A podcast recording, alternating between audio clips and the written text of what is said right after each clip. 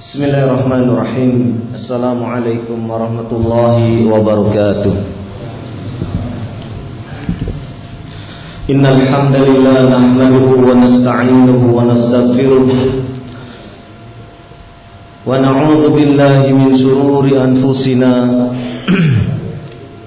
wa min sayyiati a'malina. May yahdihillahu fala mudilla ومن يضلل فلا هادي له. أشهد أن لا إله إلا الله وحده لا شريك له. وأشهد أن محمدا عبده ورسوله. يا أيها الذين آمنوا اتقوا الله حق تقاته. ولا تموتن إلا وأنتم مسلمون. يا أيها الناس اتقوا ربكم الذي خلقكم من نفس واحدة وخلق منها زوجها وبث منهما رجالا كثيرا ونساء واتقوا الله الذي تساءلون به والأرحام إن الله كان عليكم رقيبا يا أيها الذين آمنوا اتقوا الله وقولوا قولا سديدا. يصلح لكم أعمالكم ويغفر لكم ذنوبكم. ومن يطع الله ورسوله فقد فاز فوزا عظيما. أما بعد فإن أصدق الحديث كتاب الله. وخير الهدي هدي محمد صلى الله عليه وعلى آله وسلم وشار الأمور محدثاتها فإن كل محدثة بدعة وكل بدعة ضلالة وكل ضلالة في النار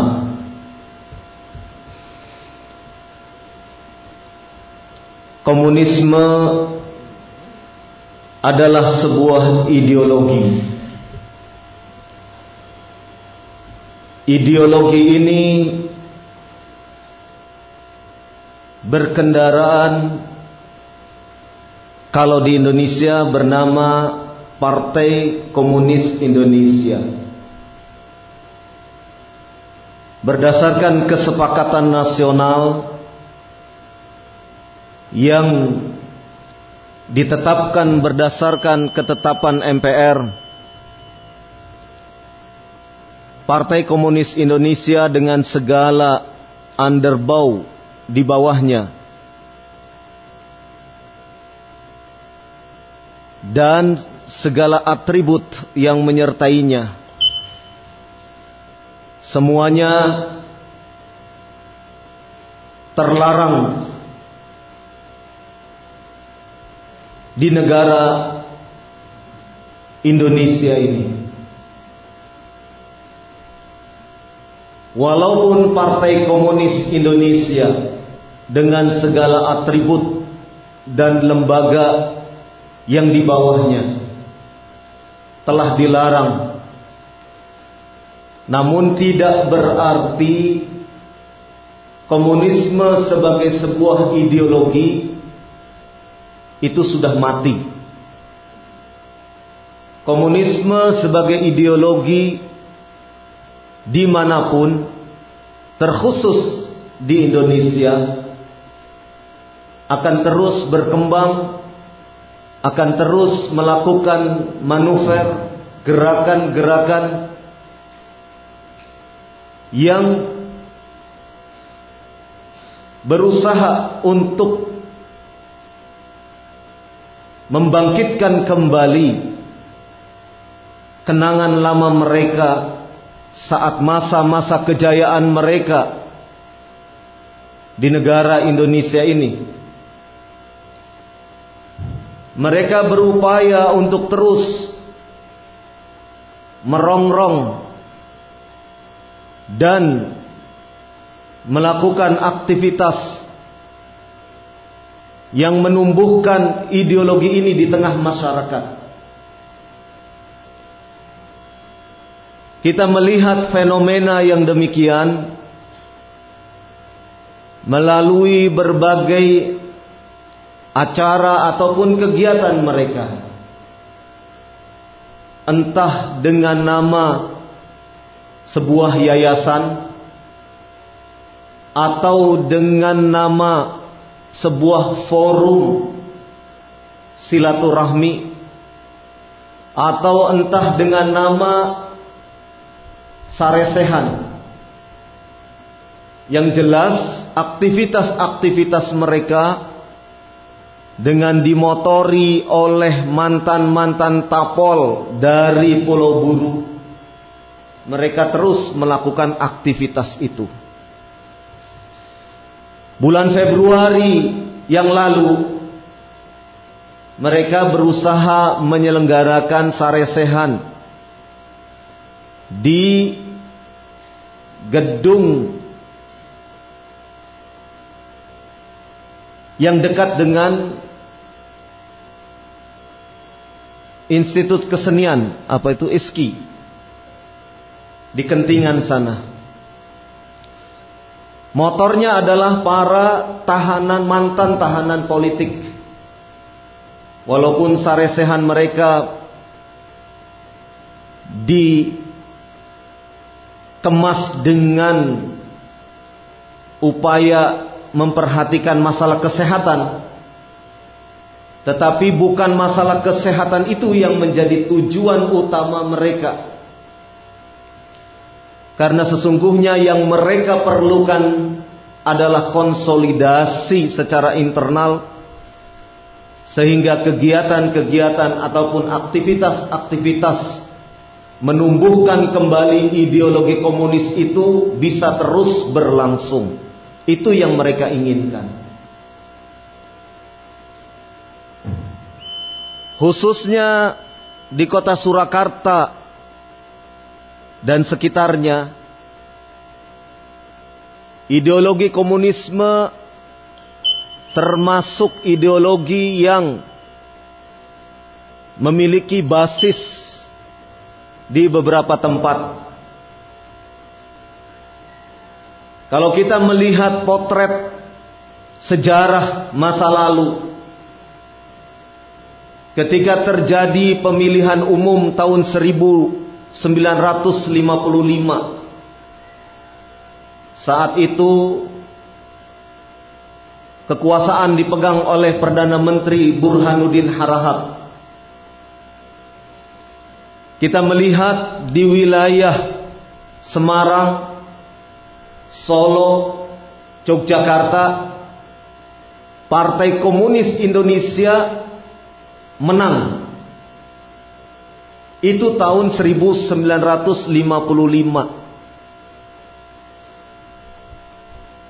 Yang tentu saja jarak waktu dari tahun 1948 sampai 1955 itu hanya jarak waktu tujuh tahun saja. Tahun 1948 Partai Komunis Indonesia melakukan upaya pemberontakan, upaya penggulingan kekuasaan, upaya mendirikan negara Soviet Indonesia di kota Madiun yang dimotori oleh ketua CC Partai Komunis Indonesia yang baru pulang dari Soviet dari Uni Soviet yaitu Muso.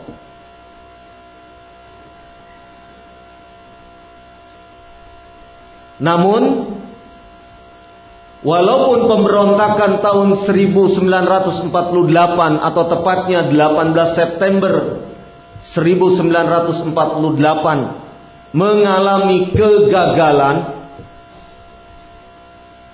beberapa pimpinan pemberontak ditembak mati dan ditangkap kemudian dieksekusi mati. Musa lari ke arah Ponorogo Kemudian berhasil ditembak. Ketika berusaha lari lari naik dokar berpapasan dengan mobil aparat dia terkaget karena melihat mobil aparat akhirnya Musa yang Musa yang nyamar jadi tukang dokar ini mengeluarkan pistol nembak yang awalnya aparat sendiri tidak tahu kalau itu Musa Terjadilah tembak menembak, Musa dalam keadaan mati di kamar kecil yang terbuat dari bambu. Itu Musa. Demikian juga penggerak pemberontak lainnya seperti Amir Sarifuddin yang ia lari dari Madiun lari ke arah utara dengan tujuan Rembang, Cepu. Tetapi di daerah Ngawi, Bojonegoro, Amir Sarifudin dengan pasukan Yusuf Maladi kemudian berhasil dibekuk oleh aparat Siliwangi yang waktu itu diterjunkan untuk memberantas pemberontakan PKI di Madiun. Dan mereka selama dalam perjalanan rombongan Amir Sarifuddin dengan pasukan Yusuf Maladi ini, Maladi Yusuf. Mereka kalau melewati perkampungan merampok harta rakyat. Ada kambing mereka bawa, ada kerbau, ada sapi mereka bawa. Jadi sambil melarikan diri, sambil merampok harta milik rakyat. Dan pasukan Maladi inilah yang membunuh mantan gubernur Surabaya, mantan gubernur Jawa Timur, yaitu Raden Suryo yang ketika itu menjabat sebagai ketua Dewan Pertimbangan Agung. Saat sekembali dari Yogyakarta, pulang rapat dinas di Yogyakarta, kemudian mampir di kota Solo oleh beberapa rekannya diminta untuk tidak melanjutkan ke Surabaya dulu karena situasi sedang genting sampai kemudian menginap sehari. Itu pun karena mobilnya mogok rusak. Esok harinya melanjutkan perjalanan dan di tengah hutan di Ngawi, ya, di desa Gumelar,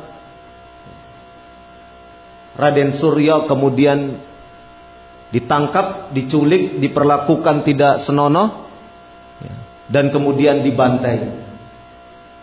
Di tempat itulah kemudian sekarang didirikan Tugu RM Surya. Ini bukti bahwasannya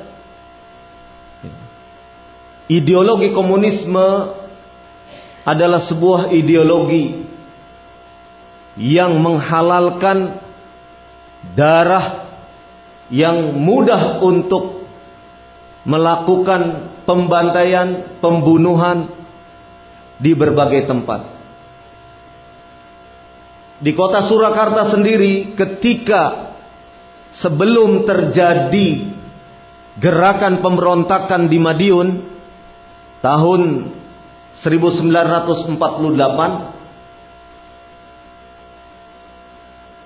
keadaan kota Solo waktu itu sangat genting bahkan seorang yang bernama Dr. Muwardi yang sekarang menjadi nama rumah sakit RSUD Muwardi ini pun termasuk yang diculik oleh orang-orang komunis yang sampai sekarang tidak ditemukan jasadnya.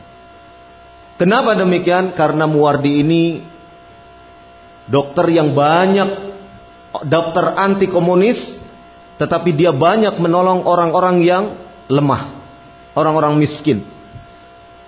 Sedangkan orang-orang PKI mereka menggarap orang-orang miskin. Ketika Dr. Muardi ini menggarap orang-orang miskin, merasa terhalang misi PKI-nya. Maka Dr. Muardi yang mendapat julukan Dr. Gembel karena memang sering berinteraksi dengan kaum miskin itu menjadi penghalang bagi penyebaran komunisme sehingga kemudian dibunuh. Demikian juga Kolonel Sutarto yang menjadi komandan Kesatuan Panembahan di kota Surakarta juga dibantai oleh komunis.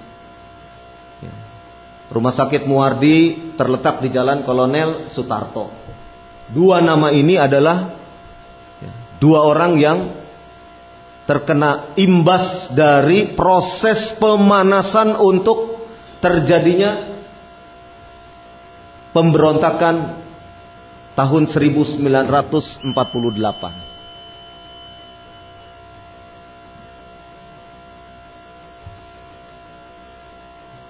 Kemudian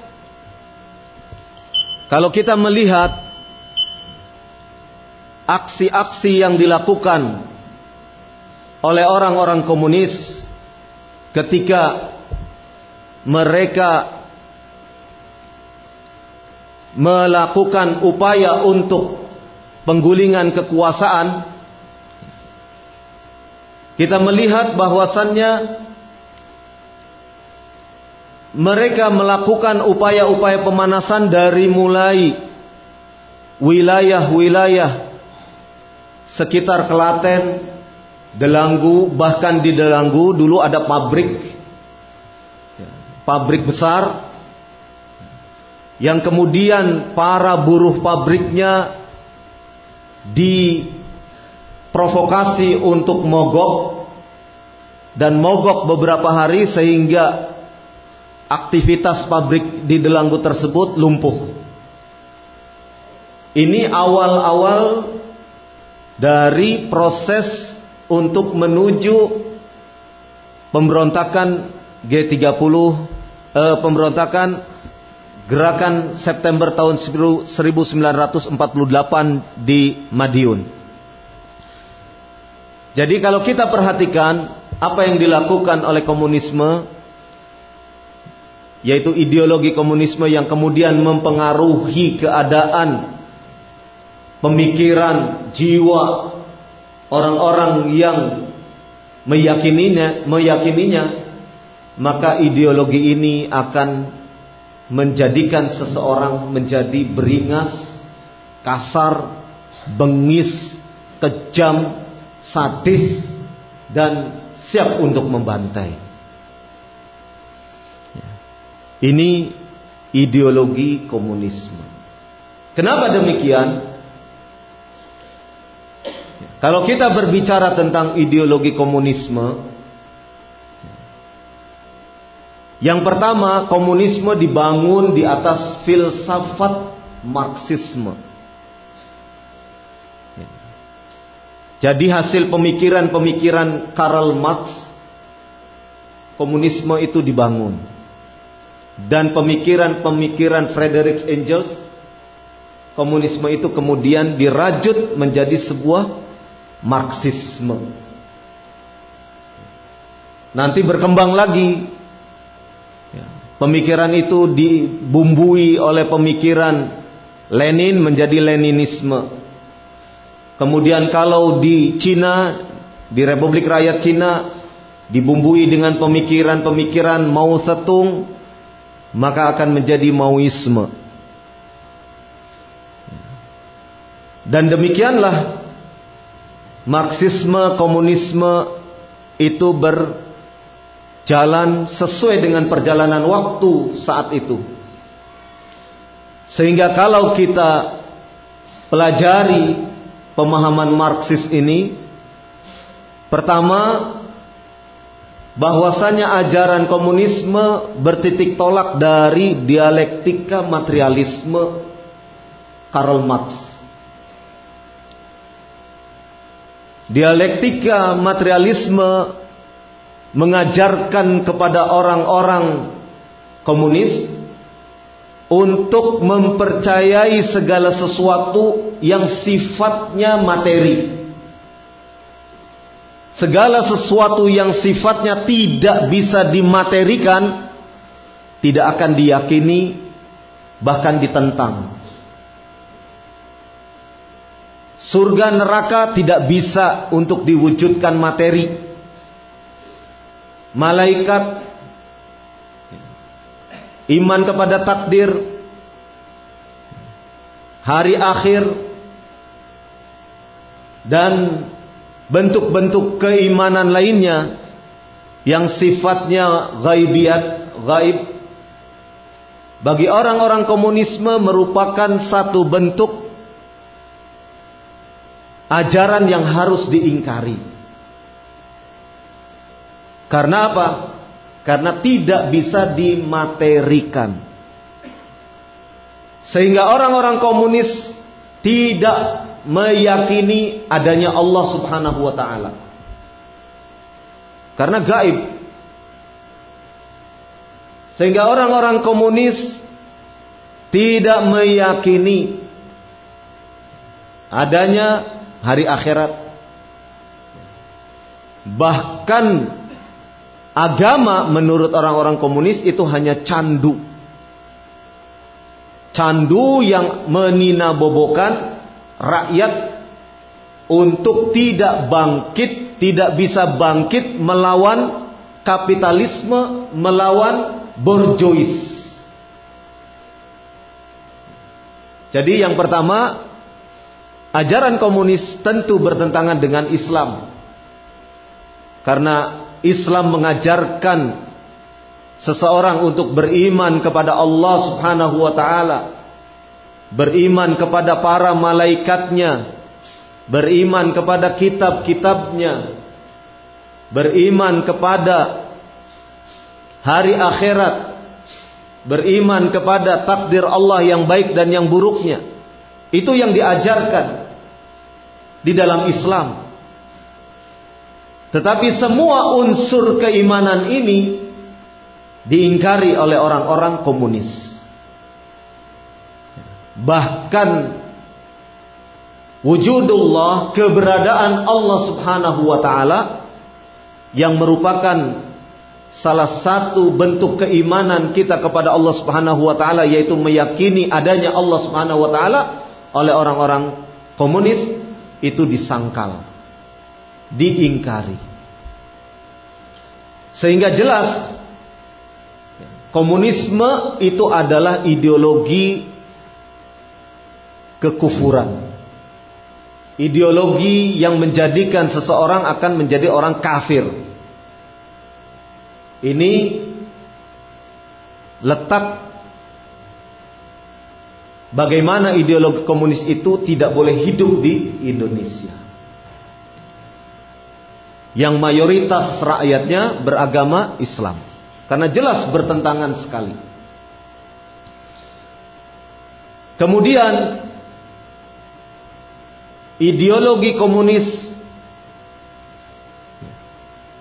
mengajarkan kepada pertumpahan darah mengajarkan untuk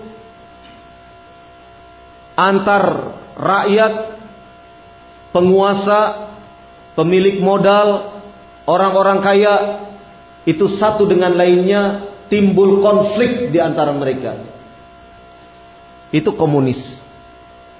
Tidak komunis dulu, tidak komunis sekarang. Selalu mengajarkan konflik. Komunis dulu mengajarkan konflik yaitu ketika mereka memprovokasi buruh-buruh tani terutama yang tergabung di dalam BTI Barisan Tani Indonesia. BTI ini organisasi underbow dari Partai Komunis Indonesia.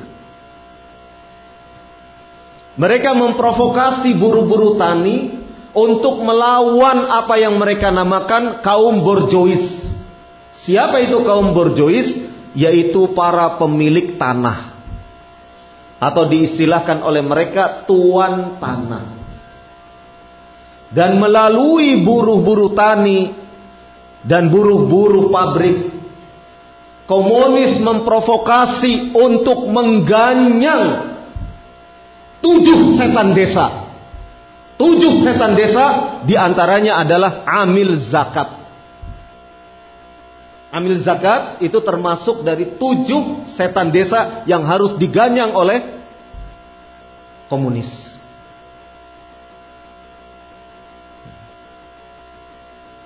Jadi Tahun dulu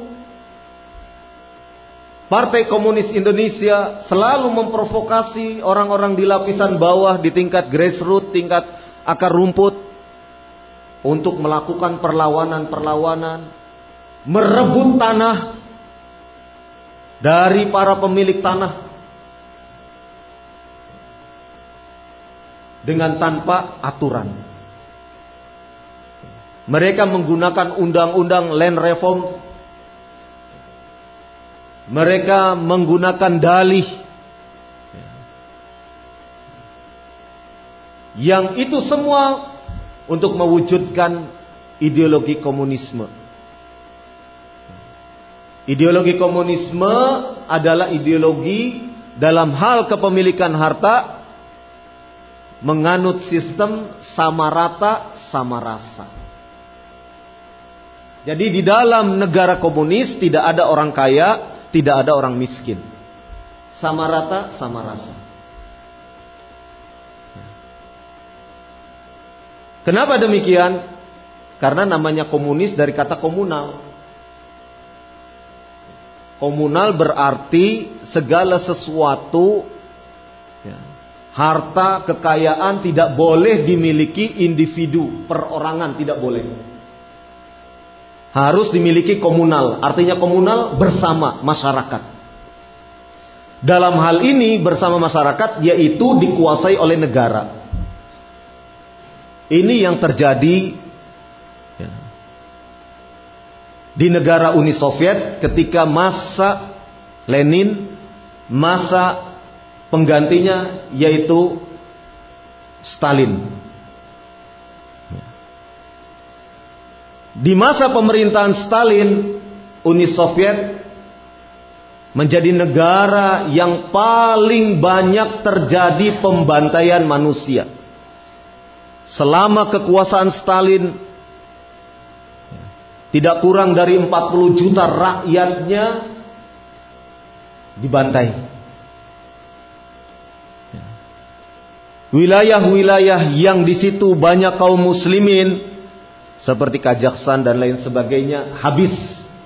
Yang ada hanya tinggal puing-puing bekas masjid, puing-puing rumah. Dan di zaman Stalin itu pula di zaman Stalin itu pula adanya manusia memakan manusia. Kenapa demikian? Karena di era kekuasaan Stalin di Uni Soviet seluruh kepemilikan itu dikuasai oleh negara. Petani kalau punya traktor, traktornya dimiliki negara. Petani kalau punya tanah, tanahnya dirampas atas nama negara. Hasil panen dari petani itu dirampas oleh negara. Dalam hal ini tentara merah Uni Soviet akan datang ke sawah ladang para petani untuk mengambil hasil panennya. Sehingga apa? Sehingga para petani pun kelaparan karena tidak memiliki persediaan pangan. Kalaupun ada yang menyembunyikan, maka bila ketahuan barangnya akan dirampas, dia pun akan mati terbunuh. Karena dalam keadaan kelaparan itulah para petani Uni Soviet banyak menculik anak-anak yang anak-anak itu akan dimasak dagingnya untuk dimakan oleh mereka. Itu zaman kekuasaan Stalin sebagai negara komunis di Uni Soviet. Jadi kalau komunisme itu katanya memperjuangkan rakyat kecil nonsens dusta, bohong, tidak benar. Karena kenyataannya justru di negara-negara Eropa Timur yang menganut ideologi komunisme rakyatnya tidak hidup sejahtera. Bahkan rakyatnya senantiasa dihantui ketakutan demi ketakutan. Karena mereka dengan mudah untuk membantai, membunuh siapa yang menentang kebijakan pemimpin komunis. Dan silahkan cek di negara-negara komunis. Silahkan dicek di negara-negara komunis mana pun sekarang ini. Pasti di situ terjadi pembantaian-pembantaian. Di Uni Soviet sudah jelas. Di Kamboja dengan pimpinan komunisnya yang bernama Pol Pot, ratusan ribu rakyat Kamboja mati sia-sia. Dibantai oleh Pol Pot yang komunis ini. Di Vietnam, di Korea Utara, Presiden Korea Utara sekarang, pimpinan Korea Utara sekarang tidak segan-segan membunuh pamannya sendiri. Membunuh menterinya sendiri hanya dengan alasan sepele menterinya ketika rapat ngantuk. Dibunuh. Dibunuhnya tidak dengan peluru, dibunuhnya dengan roket rudal Ini zaman sekarang. Komunis zaman sekarang di Korea Utara. Demikian juga di Cina. Saya bacakan pernyataannya ini. Sudah ditulis.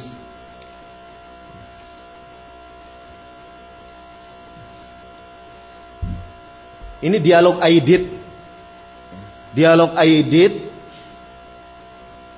dengan Mao Setung di markas besar Partai Komunis Cina di Zongnanhai yaitu pada tanggal 5 Agustus 1965. Jadi sebelum apa? Sebelum Gestapo. Sebelum gerakan G30S PKI. Dialognya kata mau setung, kamu harus bertindak cepat. Kata Aidit, saya khawatir angkatan darat jadi penghalang. Kata mau setung, baiklah. Lakukanlah apa yang saya nasihatkan kepadamu.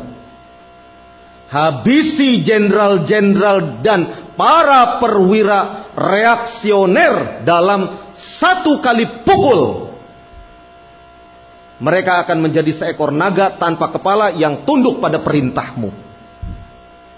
Ini untuk menaklukkan angkatan darat. Sekali pukul harus dibantai. Kata Aidit, berarti kami harus membunuh beberapa ratus perwira. Kata Aidit. Kata Mao Setung, di Sensi Utara, nama daerah di Cina, di Sensi Utara saya bunuh 20 ribu kader dalam sekali pukul saja. Mau setung.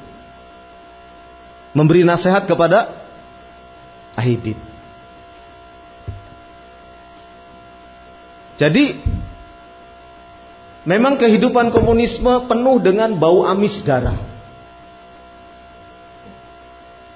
Bau amis darah. Dan mereka membunuh dengan cara-cara yang Luar biasa keji.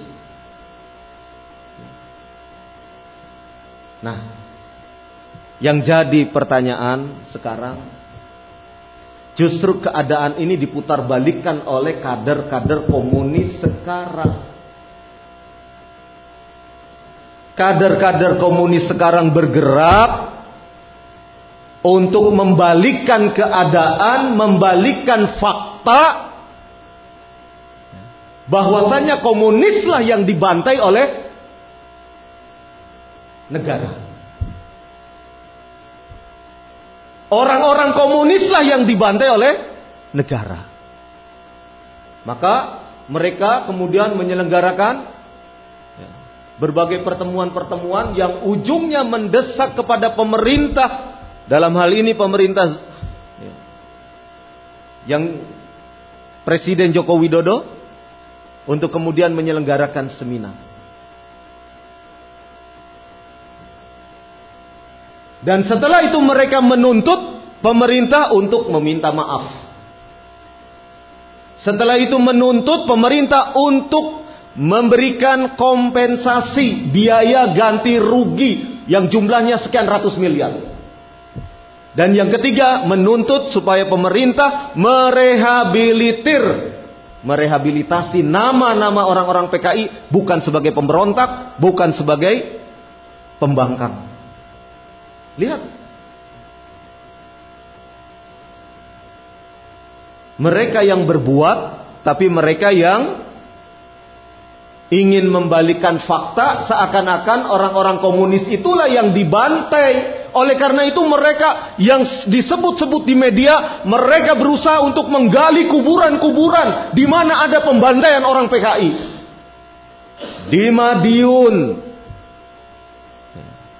Beberapa yang lalu anak-anak PKI mengajukan audiensi dengan Bupati Madiun. Baru beberapa minggu yang lalu.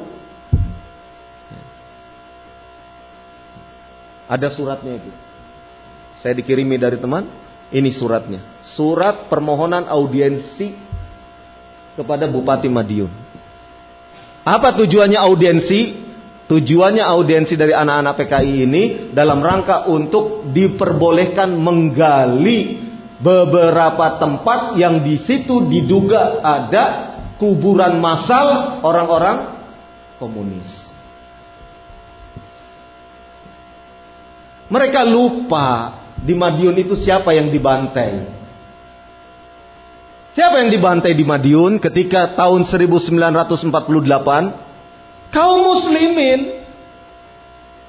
Kaum muslimin yang dibantai di sekitar Madiun, Madiun dan sekitarnya. dibantai di daerah Desa Kresek Kabupaten Madiun. Di sana ada 17 korban. Di antara korbannya adalah Kolonel Marhadi yang sekarang menjadi nama jalan di tengah kota Madiun. Polisi juga ada di sana dibantai. Pegawai dinas kesehatan ada dibantai. Kiai ada di Bantai, itu di desa Kresek.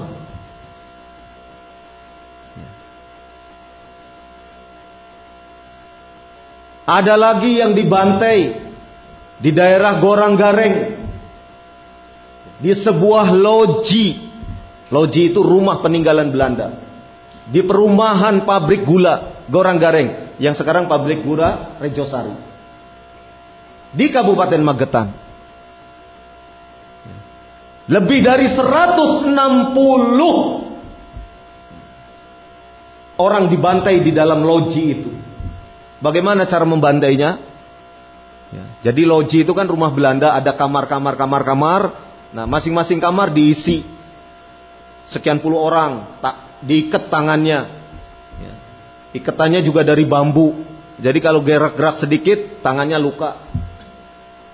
Yang kamar lain sekian puluh orang, kamar lain sekian puluh orang. Ketika tahanan-tahanan yang diculik oleh orang-orang PKI ini masuk sudah ditahan, dari luar ditembaki. Ada tiga orang yang selamat. Di antaranya salah satunya adalah Imam Masjid Jami Kabupaten Magetan. Masjid Baitul Salam. Ya, Pak Rokib namanya. Itu yang selamat. Selamatnya karena apa? Karena dia sembunyi.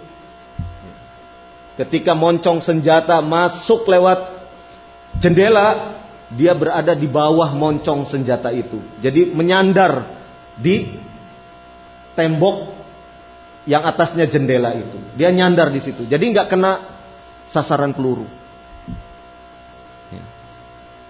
Ketika dia keluar, darah itu sampai mata kakinya. Ketika pasukan Siliwangi datang, dari arah mana Karanganyar masuk terus Magetan masuk sampai Gorang Gareng didata oleh pasukan Siliwangi tidak kurang dari 160 korban yang ditembaki oleh komunis. Itu belum yang dibawa oleh gerbong kereta. Dibawa ke sebuah sumur tua. Ya. Ada daerah namanya daerah Soco. Di situ dibantai. Termasuk Bupati Magetan sendiri termasuk yang jadi korban. Ya. Tidak tanggung-tanggung, diikat di tangga tangga dari bambu, Anda diikat tubuhnya ditelentangkan, perutnya digergaji. Itu cara PKI membunuh orang. Kalau mau bukti lagi selain jenderal-jenderal ada kolonel Katamso diculik di kantornya, dibawa ke kentungan yang sekarang jadi markas Yonif 40 401 di daerah Kentungan. Ada di sana mobilnya masih ada untuk mengangkut Kolonel Katamso. Dan tidak tanggung-tanggung. Dibunuhnya bagaimana? Dibunuhnya dengan dipukul oleh kunci mortir. Demikian juga Letkol Sugiono dibunuh dalam keadaan belum mati, masih hidup, sudah ditenggelamkan di sebuah lubang yang sudah disiapkan. Dan kemudian dibantai di lubang tersebut. Ini cara-cara PKI. Sehingga kenapa mereka sampai berbuat brutal seperti itu? Karena tadi Ideologi mereka tidak mengenal rasa takut kepada Allah Subhanahu wa taala. Jangankan rasa takut, mengingkari adanya Allah Subhanahu wa taala. Sehingga pantas kalau mereka melakukan perbuatan-perbuatan yang keji dan brutal seperti itu.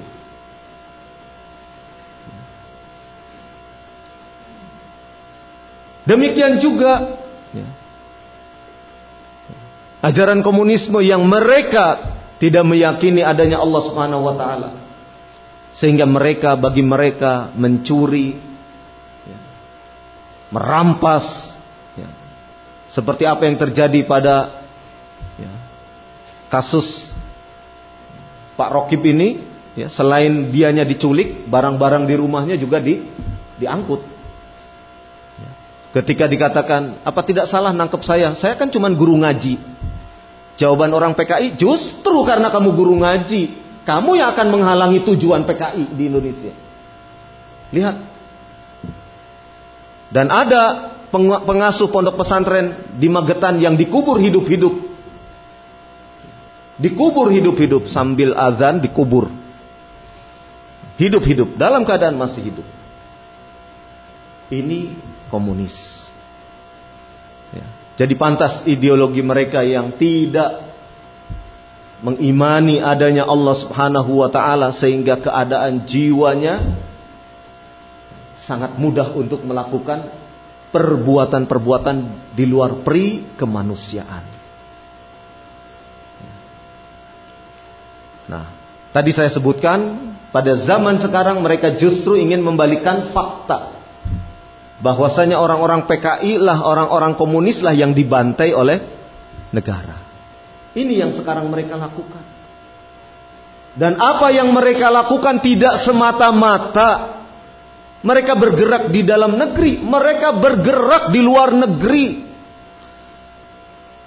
Di Inggris, mantan istrinya Subarjo yang memang dia orang Inggris, asli orang Inggris, melakukan gerakan untuk perjuangan mereka di sampai akhirnya mereka bisa menyelenggarakan pengadilan rakyat internasional untuk kasus tahun 1965 di kota Den Haag, Belanda. Yang keputusannya sebagaimana dipublikasikan di media bahwasanya telah terjadi pembantaian terhadap orang-orang komunis. Pengadilan Rakyat Internasional di Den Haag Belanda tidak melihat apa sebabnya orang komunis dibantai.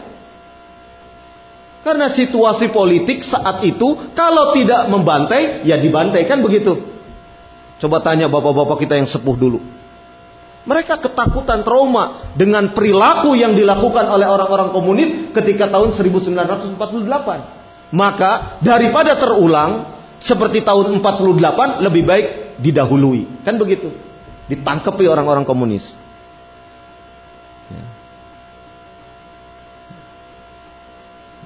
Pasukan RPKAD turun ke kota Solo sehingga kemudian ada markas apa kandang menjangan di Kartosuro ya, karena letak Kartosuro strategis mau ke Wonogiri dekat mau ke Sukoharjo dekat mau ke Boyolali dekat ya, mau ke ke arah Sragen juga dekat ya. kondisi yang seperti itu ya, adalah kondisi politik saat itu dan kaum muslimin pada waktu itu tidak ingin ya, kemudian menjadi ya, korban pembantaian secara cuma-cuma. Ya sebelum dibantai, yang bela diri dulu. Karena sudah tahu tabiat orang PKI, tabiat orang komunis, pasti akan melakukan upaya-upaya untuk pembunuhan, pembantaian, itu yang dilakukan. Jadi ajaran komunisme jelas bertentangan dengan Islam. Di dalam Islam membunuh jiwa itu harus sesuai syariat kalau mau ada orang dihilangkan nyawanya. Tapi bagi orang komunis tidak demikian. Allah Subhanahu wa taala berfirman, "Wala taqtulunan nafsallati haramallahu illa bil haqq." dalam surat Al-Furqan ayat ke-68 dan mereka tidaklah dan kalian tidaklah membunuh jiwa yang Allah haramkan kecuali dengan cara yang hak illa bil haq artinya sesuai syariat sesuai syariat itu di dalam hukum Islam kalau orang membunuh ya dibunuh lagi itu hukum kisos ya. itu di antaranya PKI tidak demikian. Komunis tidak demikian. Ya. Jadi kalau sekarang orang-orang anak keturunan komunis ini menuntut balik ke pemerintah bahwasanya telah terjadi pembantaian dengan tanpa proses pengadilan, lah orang PKI dulu membantai kaum muslimin, membantai pengasuh-pengasuh pondok pesantren dengan tanpa pengadilan. Bahkan diperlakukan lebih keji. Ini komunisme. Ya. Mereka orang tidak beragama. Ya. Sementara kaum muslimin ya, mau membunuh pun fikir-fikir karena memang tidak boleh sembarangan membunuh orang. Ya. Seperti sekarang misalnya, kita menemukan ada orang komunis pakai pakai kaos palu arit. Tidak boleh langsung kemudian ayo keroyok habisi, nggak boleh. Itu bukan ajaran Islam yang seperti itu. Kalaupun kita menemukan ada orang mengenakan kaos palu arit, ya, sekarang kan menyebar di mana-mana. Yang terakhir di Manado, bendera palu arit berkibar. Ya. Kalaupun kita menemukan hal yang semacam itu, hendaknya kita laporkan ke pihak yang berwajib. Biar pihak yang berwajib yang menangani kasusnya. Kalau kita bisa menangkap, tangkap. Tapi jangan di, diperlakukan yang tidak baik. Tangkap, tangkap. Ya. Bawa ke kepolisian. Biar pihak kepolisian yang memproses. Jangan sampai kita membuat anarkis, melakukan sesuatu yang menjadikan masyarakat takut, karena itu pun dilarang di dalam Islam. Jangan sampai tindakan kita menjadikan menumbuhkan rasa takut di sekitar masyarakat. Tidak boleh. Karena kata Rasulullah sallallahu alaihi wasallam la yahillu li muslimin ayyurawwi'a musliman. Tidak halal bagi seorang muslim menakut-nakuti muslim yang lainnya. Jadi jangan sampai kemudian masyarakat jadi ya, ketakutan. Itu tidak boleh. Kita sebagai seorang muslim apalagi sebagai seorang ahlus sunnah wal jamaah seorang sunni salafi tidak boleh sampai menjadikan masyarakat resah tidak boleh menjadikan masyarakat menjadi ketakutan karena tindakan atau sikap kita kalau ada yang tanda-tanda oh bau PKI ini bau komunis ya. misalnya naruh bendera komunis ya. maka laporkan ke aparat ya. laporkan ke aparat sehingga aparat mendapatkan informasi itu kemudian bergerak dan melakukan tindakan-tindakan ya, yang tentunya sesuai dengan peraturan yang berlaku, undang-undang yang berlaku. Itu cara yang harus ditempuh oleh seorang muslim. Ya, sehingga apa? Sehingga keadaan masyarakat tetap kondusif, keadaan masyarakat tetap tenang, berbeda dengan akhlak PKI, berbeda dengan akhlak komunis.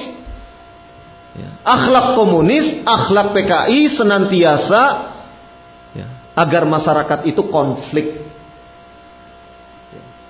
Tuan tanah diadu domba. Ya, Buruh tanah diprovokasi untuk melawan tuan tanah. Buruh-buruh pabrik diprovokasi untuk mogok, untuk melawan pemilik pemilik pabrik. Kan begitu. Dari PKI dulu sampai PKI sekarang sama. Saya katakan PKI sekarang sama karena kita dapatkan bukti-bukti di lapangan bagaimana ketika reformasi terjadi. Siapa yang bergerak? ketika reformasi terjadi? Di antaranya orang-orang di belakang demonstrasi-demonstrasi itu di antaranya adalah orang-orang berpemahaman kiri komunis. Siapa mereka? Sebut PRD, Partai Rakyat Demokratik. Komunis. Jelas. Ya. Siapa lagi? Forkot, Forum Kota, komunis. Jarkot, Jaringan Kota, komunis. Smith, SMID, Solidaritas Mahasiswa Indonesia untuk Demokrasi, komunis.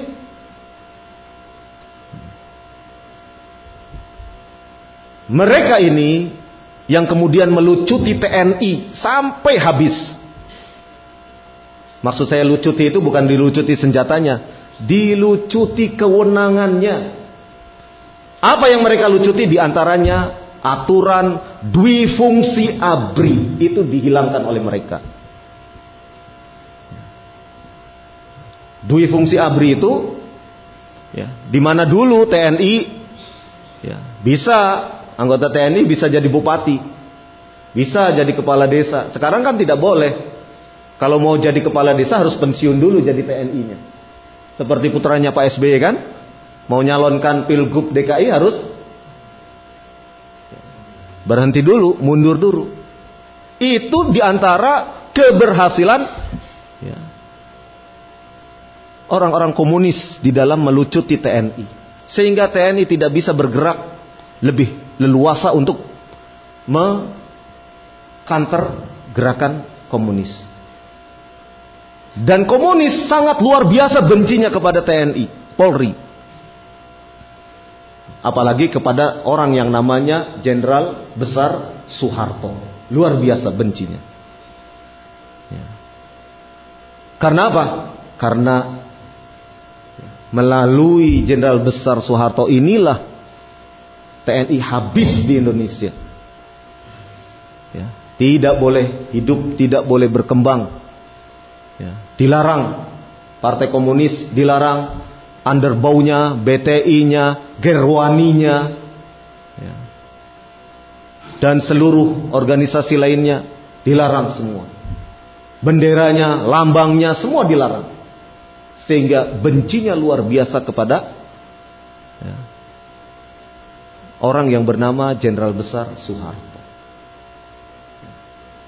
Kita sangat berterima kasih jazahullahu khairah ya, kepada Jenderal Besar Soeharto yang telah membunuh, mematikan komunisme di tanah air ini. Ya, dengan melihat fakta-fakta, tidak hanya fakta di Indonesia, tapi juga fakta di luar negeri bagaimana kehidupan sebuah negara yang dilandasi oleh komunisme. Ya. Itu akan menjadi sesuatu yang buruk bagi kehidupan rakyatnya. Kemudian komunisme adalah ideologi yang senantiasa menghasung, mendorong orang untuk selalu melawan pemerintah yang sah. Ya. Di dalam Islam pun ada yang menganut pemahaman seperti ini. Seperti pemahaman khawarij yang khuruj alal hukam memberontak kepada pemerintahan yang sah. Seperti pemahaman Syiah Rafidah. Syiah yang sekarang pusatnya di negara Iran. Ini juga bibit termasuk bibit kalau dia memiliki kekuatan dia akan memberontak kepada pemerintah. Fakta untuk hal ini sudah terbukti di negara Yaman sekarang ini yang memberontak adalah kaum Syiah Rafidah. Di Suria yang membantai manusia rakyatnya adalah Bashar Assad. Ya. Seorang Syiah juga. Ya. Kemudian di beberapa tempat lainnya, ya, termasuk di Iran sendiri, ya, yang tidak sehaluan, tidak sefaham dengan Syiah dibantai. Ya. Ini Syiah Rafidah. Yang sekarang bulan Muharram ini ya mereka berusaha untuk menyelenggarakan ya, acara yaitu peringatan pembunuhan Husain. Karena mereka selalu mengelulukan Husain cucu Nabi Shallallahu Alaihi Wasallam. Ya. Peringatan Ashuro yang mereka sebut tapi peringatan Ashuro yang mereka sebut sekarang mereka sudah mulai dikemas supaya dekat dengan orang-orang dari kalangan Nahdlatul Ulama namanya tidak peringatan Ashuro lagi namanya peringatan haul kematian cucu Nabi Shallallahu Alaihi Wasallam. Lihat, bahasanya sudah dikemas. Haul itu kan biasa juga kan dari kalangan orang-orang NU menyelenggarakan haul kiai ini, haul kiai itu. Mereka mengemas orang-orang Syiah supaya menjadikan ya, samar di kalangan kaum muslimin. Ya. Sehingga sulit terbedakan lagi antara Syiah dengan NU-nya. Mereka Ya. Mereka akan adakan di Semarang, di pusat ibu kota, bulan-bulan ini. Ya, tadinya mereka akan menyelenggarakan di gedung PPRP, kemudian diprotes, sekarang mereka entah mau pindah ke mana. Ya. Tapi itu tadi kita harus waspada, gerakan Syiah ini pun sama dengan komunisme. Cuma Syiah ini bertameng di ya, seakan-akan ini masih Islam, itu saja. Masih Islam. Padahal Syiah ini nanti yang akan menjadi biang keributan di tengah masyarakat. Kenapa terjadi biang keributan di tengah masyarakat? Ya. Karena Syiah selalu mengajarkan ajaran yang berbeda dengan keumuman kaum muslimin di Indonesia. Keumuman kaum muslimin di Indonesia terhadap para sahabat Nabi itu menghormati, memuliakan para sahabat Nabi Sallallahu Alaihi Wasallam. Syiah Rafidah tidak memuliakan para sahabat. Abu Bakar As-Siddiq radhiyallahu anhu, Umar ibn Khattab radhiyallahu anhu, keduanya dijuluki oleh orang Syiah Rafidah sebagai sonamai Quraisy. Dua berhala Quraisy istri Nabi Shallallahu Alaihi Wasallam yaitu Aisyah radhiyallahu anha disebut oleh orang Syiah sebagai pelacur pezina. Jadi bagaimana mungkin mereka akan damai hidup di tengah-tengah komunitas kaum muslimin lainnya sementara mereka menjelek-jelekan para sahabat Rasulullah Sallallahu Alaihi Wasallam. Mohon dicatat ini nanti Pak Kamtibmas Syiah Rafidah ini. Ya. Karena akan menimbulkan konflik-konflik horizontal di tengah masyarakat. Karena ajarannya sudah berbeda. Mereka ini penganut Syiah tapi masih memakai baju Islam. Ini yang menjadikan orang akhirnya tertipu. Ya. Pak Ganjar Pranowo kalau tahu Syiah itu seperti apa, saya yakin tidak mengizinkan peringatan Asuro itu. Karena informasi tentang Syiah ini belum sampai kepada beliau. Ini yang perlu diwaspadai. Jadi tanah air kita ini dengan adanya liberalisme masuk ke negara kita, ya, negara kita ini seperti sampah, apa saja masuk. Ini yang menjadi pusing ya, aparatur keamanan. Tugasnya berat, harus kita bantu. Ya. Liberalisme mengusung LGBT. Ya kan? Undang-Undang nomor 1 tahun 1974 ya, inginnya digusur.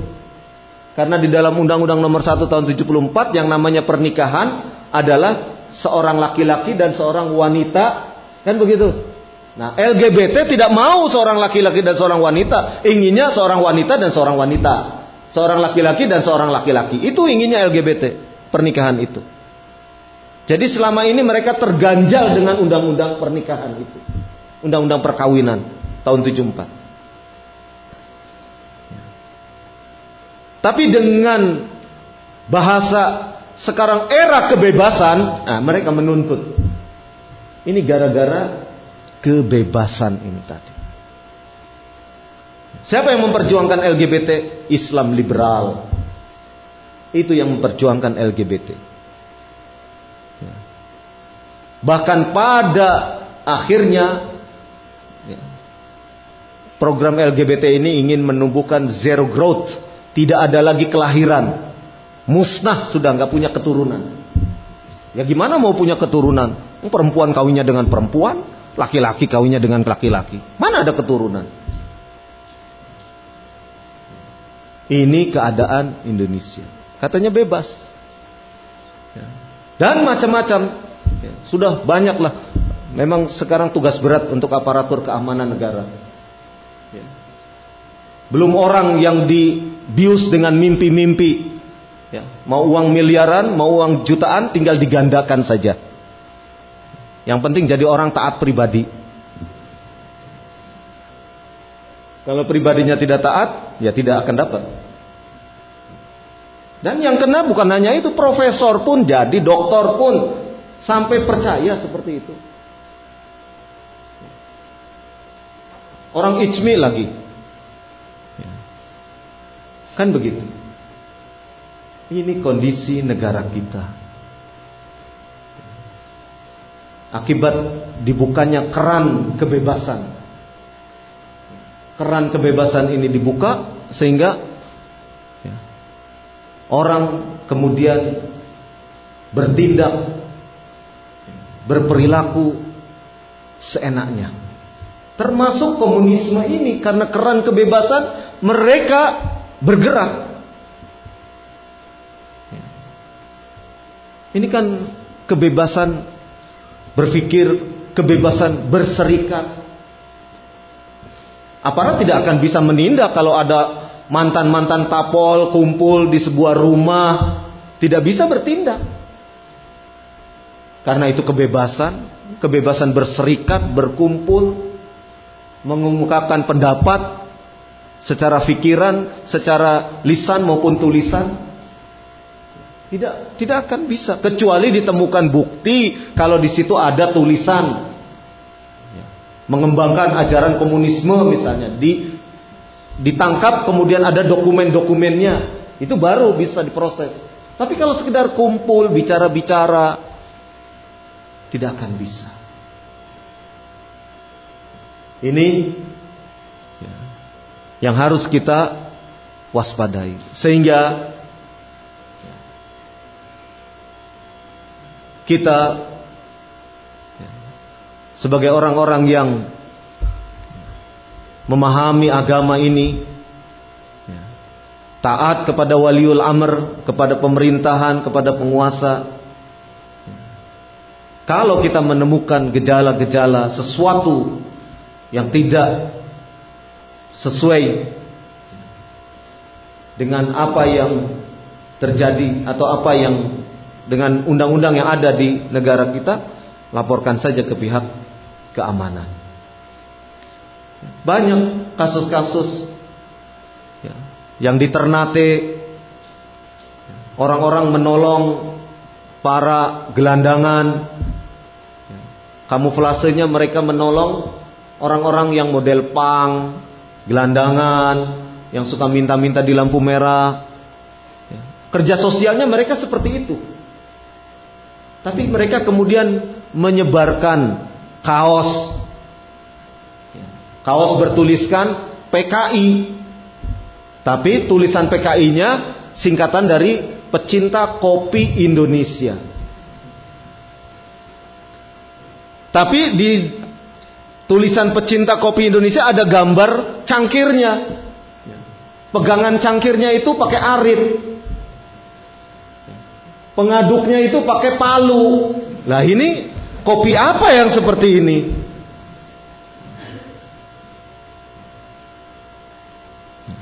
Ini pun sudah diamankan oleh petugas Kodim di Ternate sana.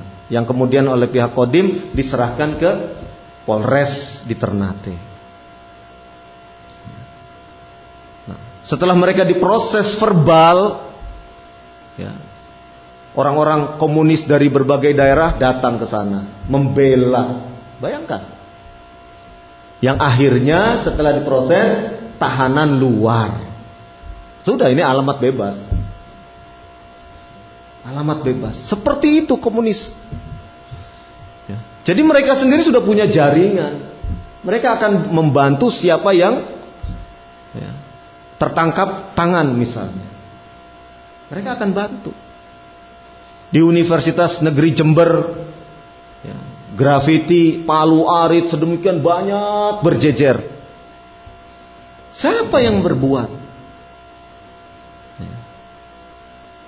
ini menunjukkan bahwasanya geliat komunisme itu ada dan terus akan ada kita sebagai kaum muslimin jangan lengah jangan lalai menganggap bahwasanya komunisme sudah dilarang di negara kita. Jangan.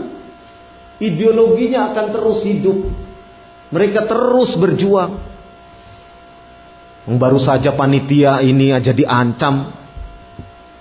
Panitia ini loh. Panitia ini diancam oleh anaknya PKI. Jangan bikin keributan di desa ini ya. Tuh. Artinya apa? Di sekitar kita saja banyak. Banyak seperti itu. Ya. Ini menunjukkan bahwasanya ideologi komunisme itu terus.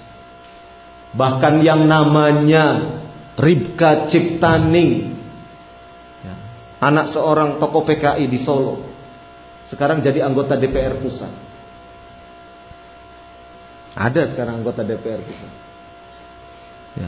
menulis buku tahun 2002, menulis buku judulnya Aku Bangga Jadi Anak PKI. Hebat toh? Tahun 2005 dia menulis buku lagi. Anak PKI masuk parlemen.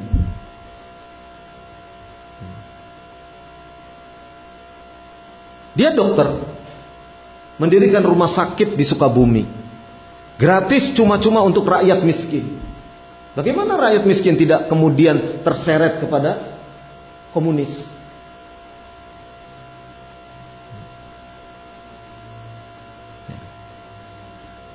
Ini salah satu dari ya, aktivitas komunis di Indonesia. Belum yang ini yang nampak, yang artinya mereka berani untuk menampakkan. Masih banyak yang masih sembunyi-sembunyi. Khususnya daerah Solo. Dulu kan ada tokohnya yang bernama Rewang. Rewang ini teman dekatnya Aidit. Dia termasuk di dalam kepengurusan PKI pusat. Ketika G30 SPKI meletus, Rewang dan Aidit ke Jawa Tengah, ke Solo di antaranya. Tertangkap, dibuang, tahanan buru, pulau buru. Setelah reformasi kembali ke Jawa. Ini rewang. Istrinya juga demikian. Istrinya rewang ditahan di Platungan, daerah Kendal. Yaitu tahanan untuk Gerwani. Gerakan Wanita Indonesia. Organisasi wanita dari kalangan PKI. Setelah itu kumpul lagi di Solo. Jadi secara ya, perjalanan sejarah kalau kita melihat perjalanan sejarah Solo luar biasa. Solo dan sekitarnya. Sehingga kaum muslimin tetap harus waspada. Ya kita masih bersyukur alhamdulillah kalau ya, kita juga tidak kemudian suudzon kalau di antara keturunan-keturunan PKI itu sekarang sudah berubah ada alhamdulillah. Bahkan yang dulu terlibat komunis, terlibat PKI kemudian bertobat itu harus kita terima. Bertobat, kelihatan, rajin ke masjid misalnya. Beribadah di masa tuanya. Maka kita harus terima orang-orang seperti ini. Jangan diungkit masa lalunya sehingga dia menjadi orang yang baik. Dan kita menginginkan seluruh orang komunis bila perlu bertobat menjadi orang-orang yang baik. Menjadi hamba Allah Subhanahu wa taala yang menginginkan akhir kehidupannya husnul khatimah. Itu yang kita inginkan. Jadi kalau ada yang bertobat ada yang kemudian berubah itu yang kita harapkan. Kita tidak menutup pintu taubat bukan hak kita. Tapi kalau ada orang-orang yang dulu-dulu terlibat komunisme, terlibat PKI, kemudian dia bertobat, kita harus jaga dia. Supaya taubatnya benar-benar sampai akhir hayat. Demikian juga anak-anaknya. Mungkin ayahnya dulu komunis, tapi anaknya tidak. Jangan disikapi Karena tidak boleh kita berhusnudon kecuali kita punya bayan, punya hujah, argumentasi, bukti. Selama tidak ada bukti, kita harus berhusnudon dia seorang yang muslim. Kita lihat dia sholat, kita lihat dia ya, puasa Ramadan, kita hukumi zahirnya. Ini terkait dengan anak keturunannya. Jadi di dalam agama kita kita menginginkan kebaikan. Kita menginginkan kehidupan masyarakat ini tidak kemudian resah atau kemudian menjadi ketakutan. Dan sebagaimana tadi disebutkan ideologi komunisme senantiasa mendorong orang untuk memberontak kepada pemerintahan yang ada. Pemberontakan-pemberontakan bisa kita lihat ya, dari mulai pasca kemerdekaan misalnya, bahkan sebelum kemerdekaan pun telah terjadi beberapa pemberontakan.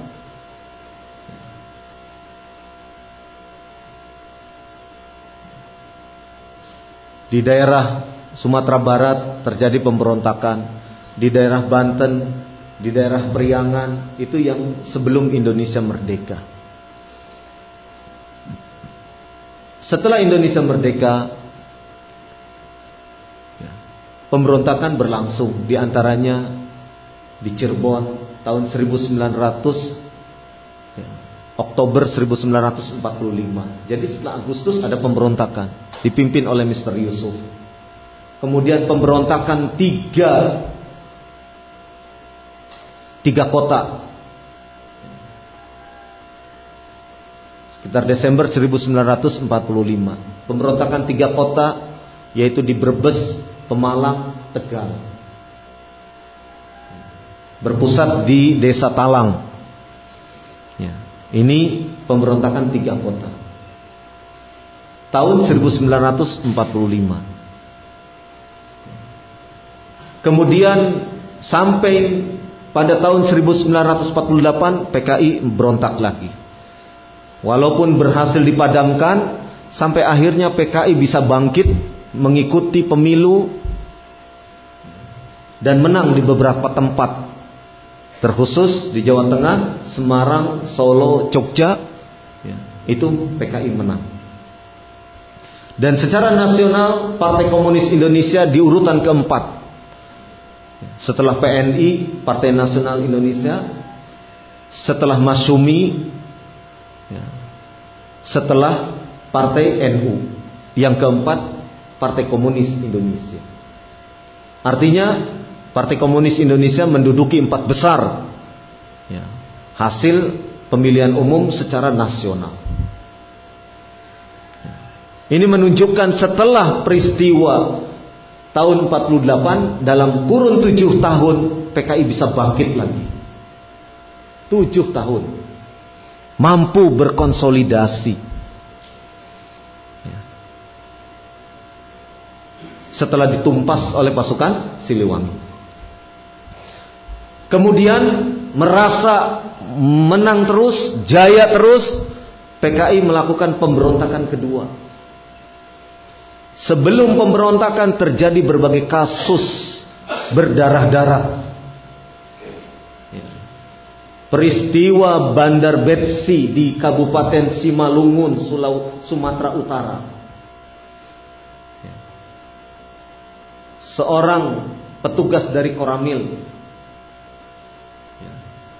yang namanya Peldas Jono dibunuh oleh dikeroyok awalnya dikeroyok oleh BTI Barisan Tani Indonesia, orang-orang PKI, sampai akhirnya sebelum masih terkapar di tanah, seorang PKI kemudian ambil cangkul, kemudian kepalanya dicangkul sampai pecah. Itu di Bandar Betsi. Berita ini sampai ke pusat, yang waktu itu Pak Ahmad Yani marah karena salah satu anggotanya diperlakukan dibantai oleh komunis.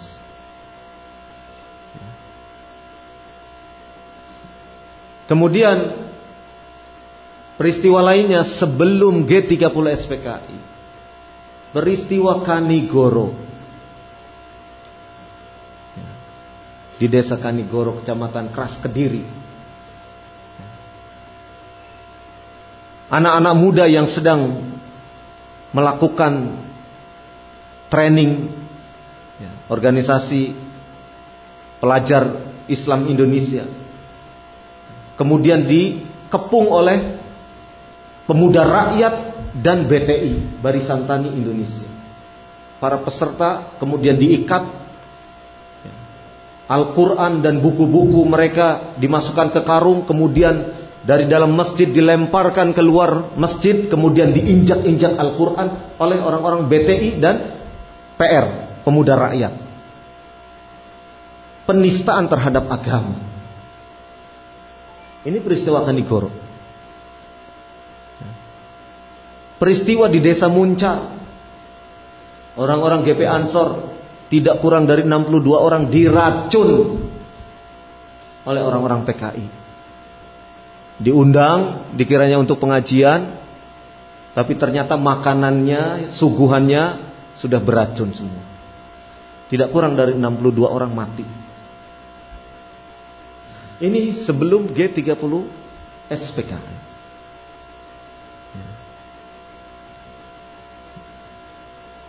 Dan peristiwa-peristiwa lainnya. Ya.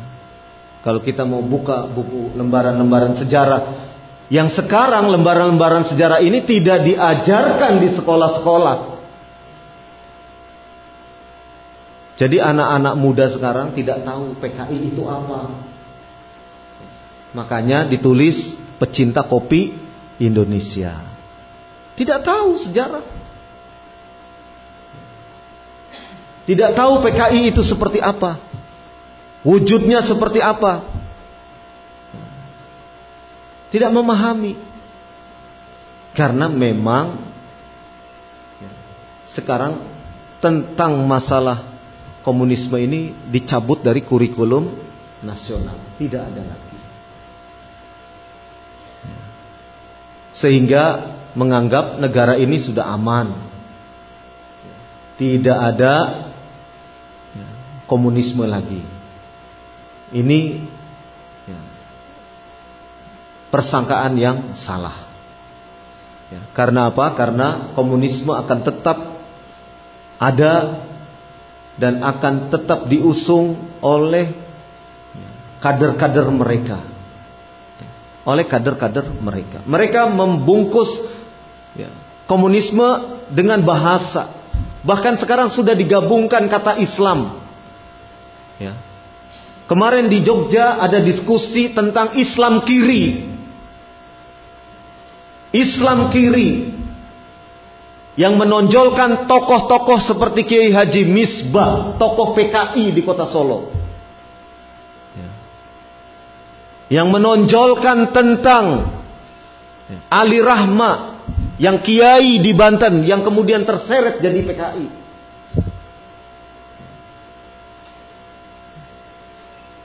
Dan banyak lagi ya, menukil ajaran-ajaran Islam tentang perjuangan membela kaum lemah. Memang Islam menyayangi orang-orang yang lemah. Ad-du'afa itu disayangi. Ya. Benar-benar diperhatikan di dalam Islam. Itu diangkat untuk kemudian ini loh, PKI pun seperti ini. Orang-orang komunisme, komun, ajaran komunisme pun mengangkat orang-orang duafa, sama dengan Islam katanya. Maka kemudian mereka mengemas menjadi Islam kiri. Saya punya bukunya. Judulnya Islam kiri. Penulisnya juga saya kenal.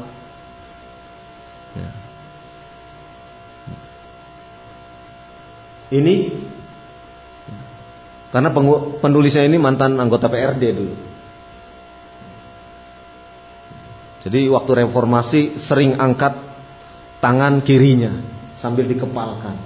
Apalagi kalau di depan bapak-bapak yang bajunya loreng seperti ini. Begini sudah. Ini komunisme. Sehingga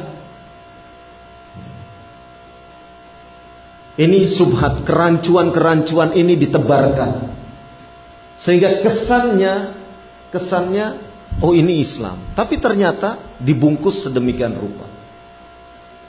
Untuk kemudian orang menjadi tertipu karenanya. Kiai Haji Misbah orang Solo, Juragan, itu sampai ikut PKI ya karena itu tadi. Komunisme itu sama seperti Islam. Ngajarkan untuk perhatian kepada orang-orang lemah, orang-orang miskin, fakir, miskin. Di situ akhirnya kemudian menjadi PKI. Wallahu a'lam bishawab. Mungkin ini yang bisa saya sampaikan terkait dengan permasalahan komunisme. Ya, yang jelas kita harus tetap waspada. Komunisme tetap menjadi ideologi ya, yang terus dicoba untuk dihidup-hidupkan di tengah masyarakat kita. Wallahu a'lam bishawab.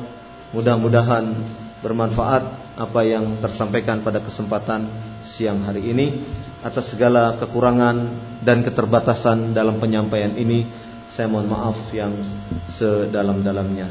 Wallahu a'lam bishawab subhanakallahumma wa bihamdik.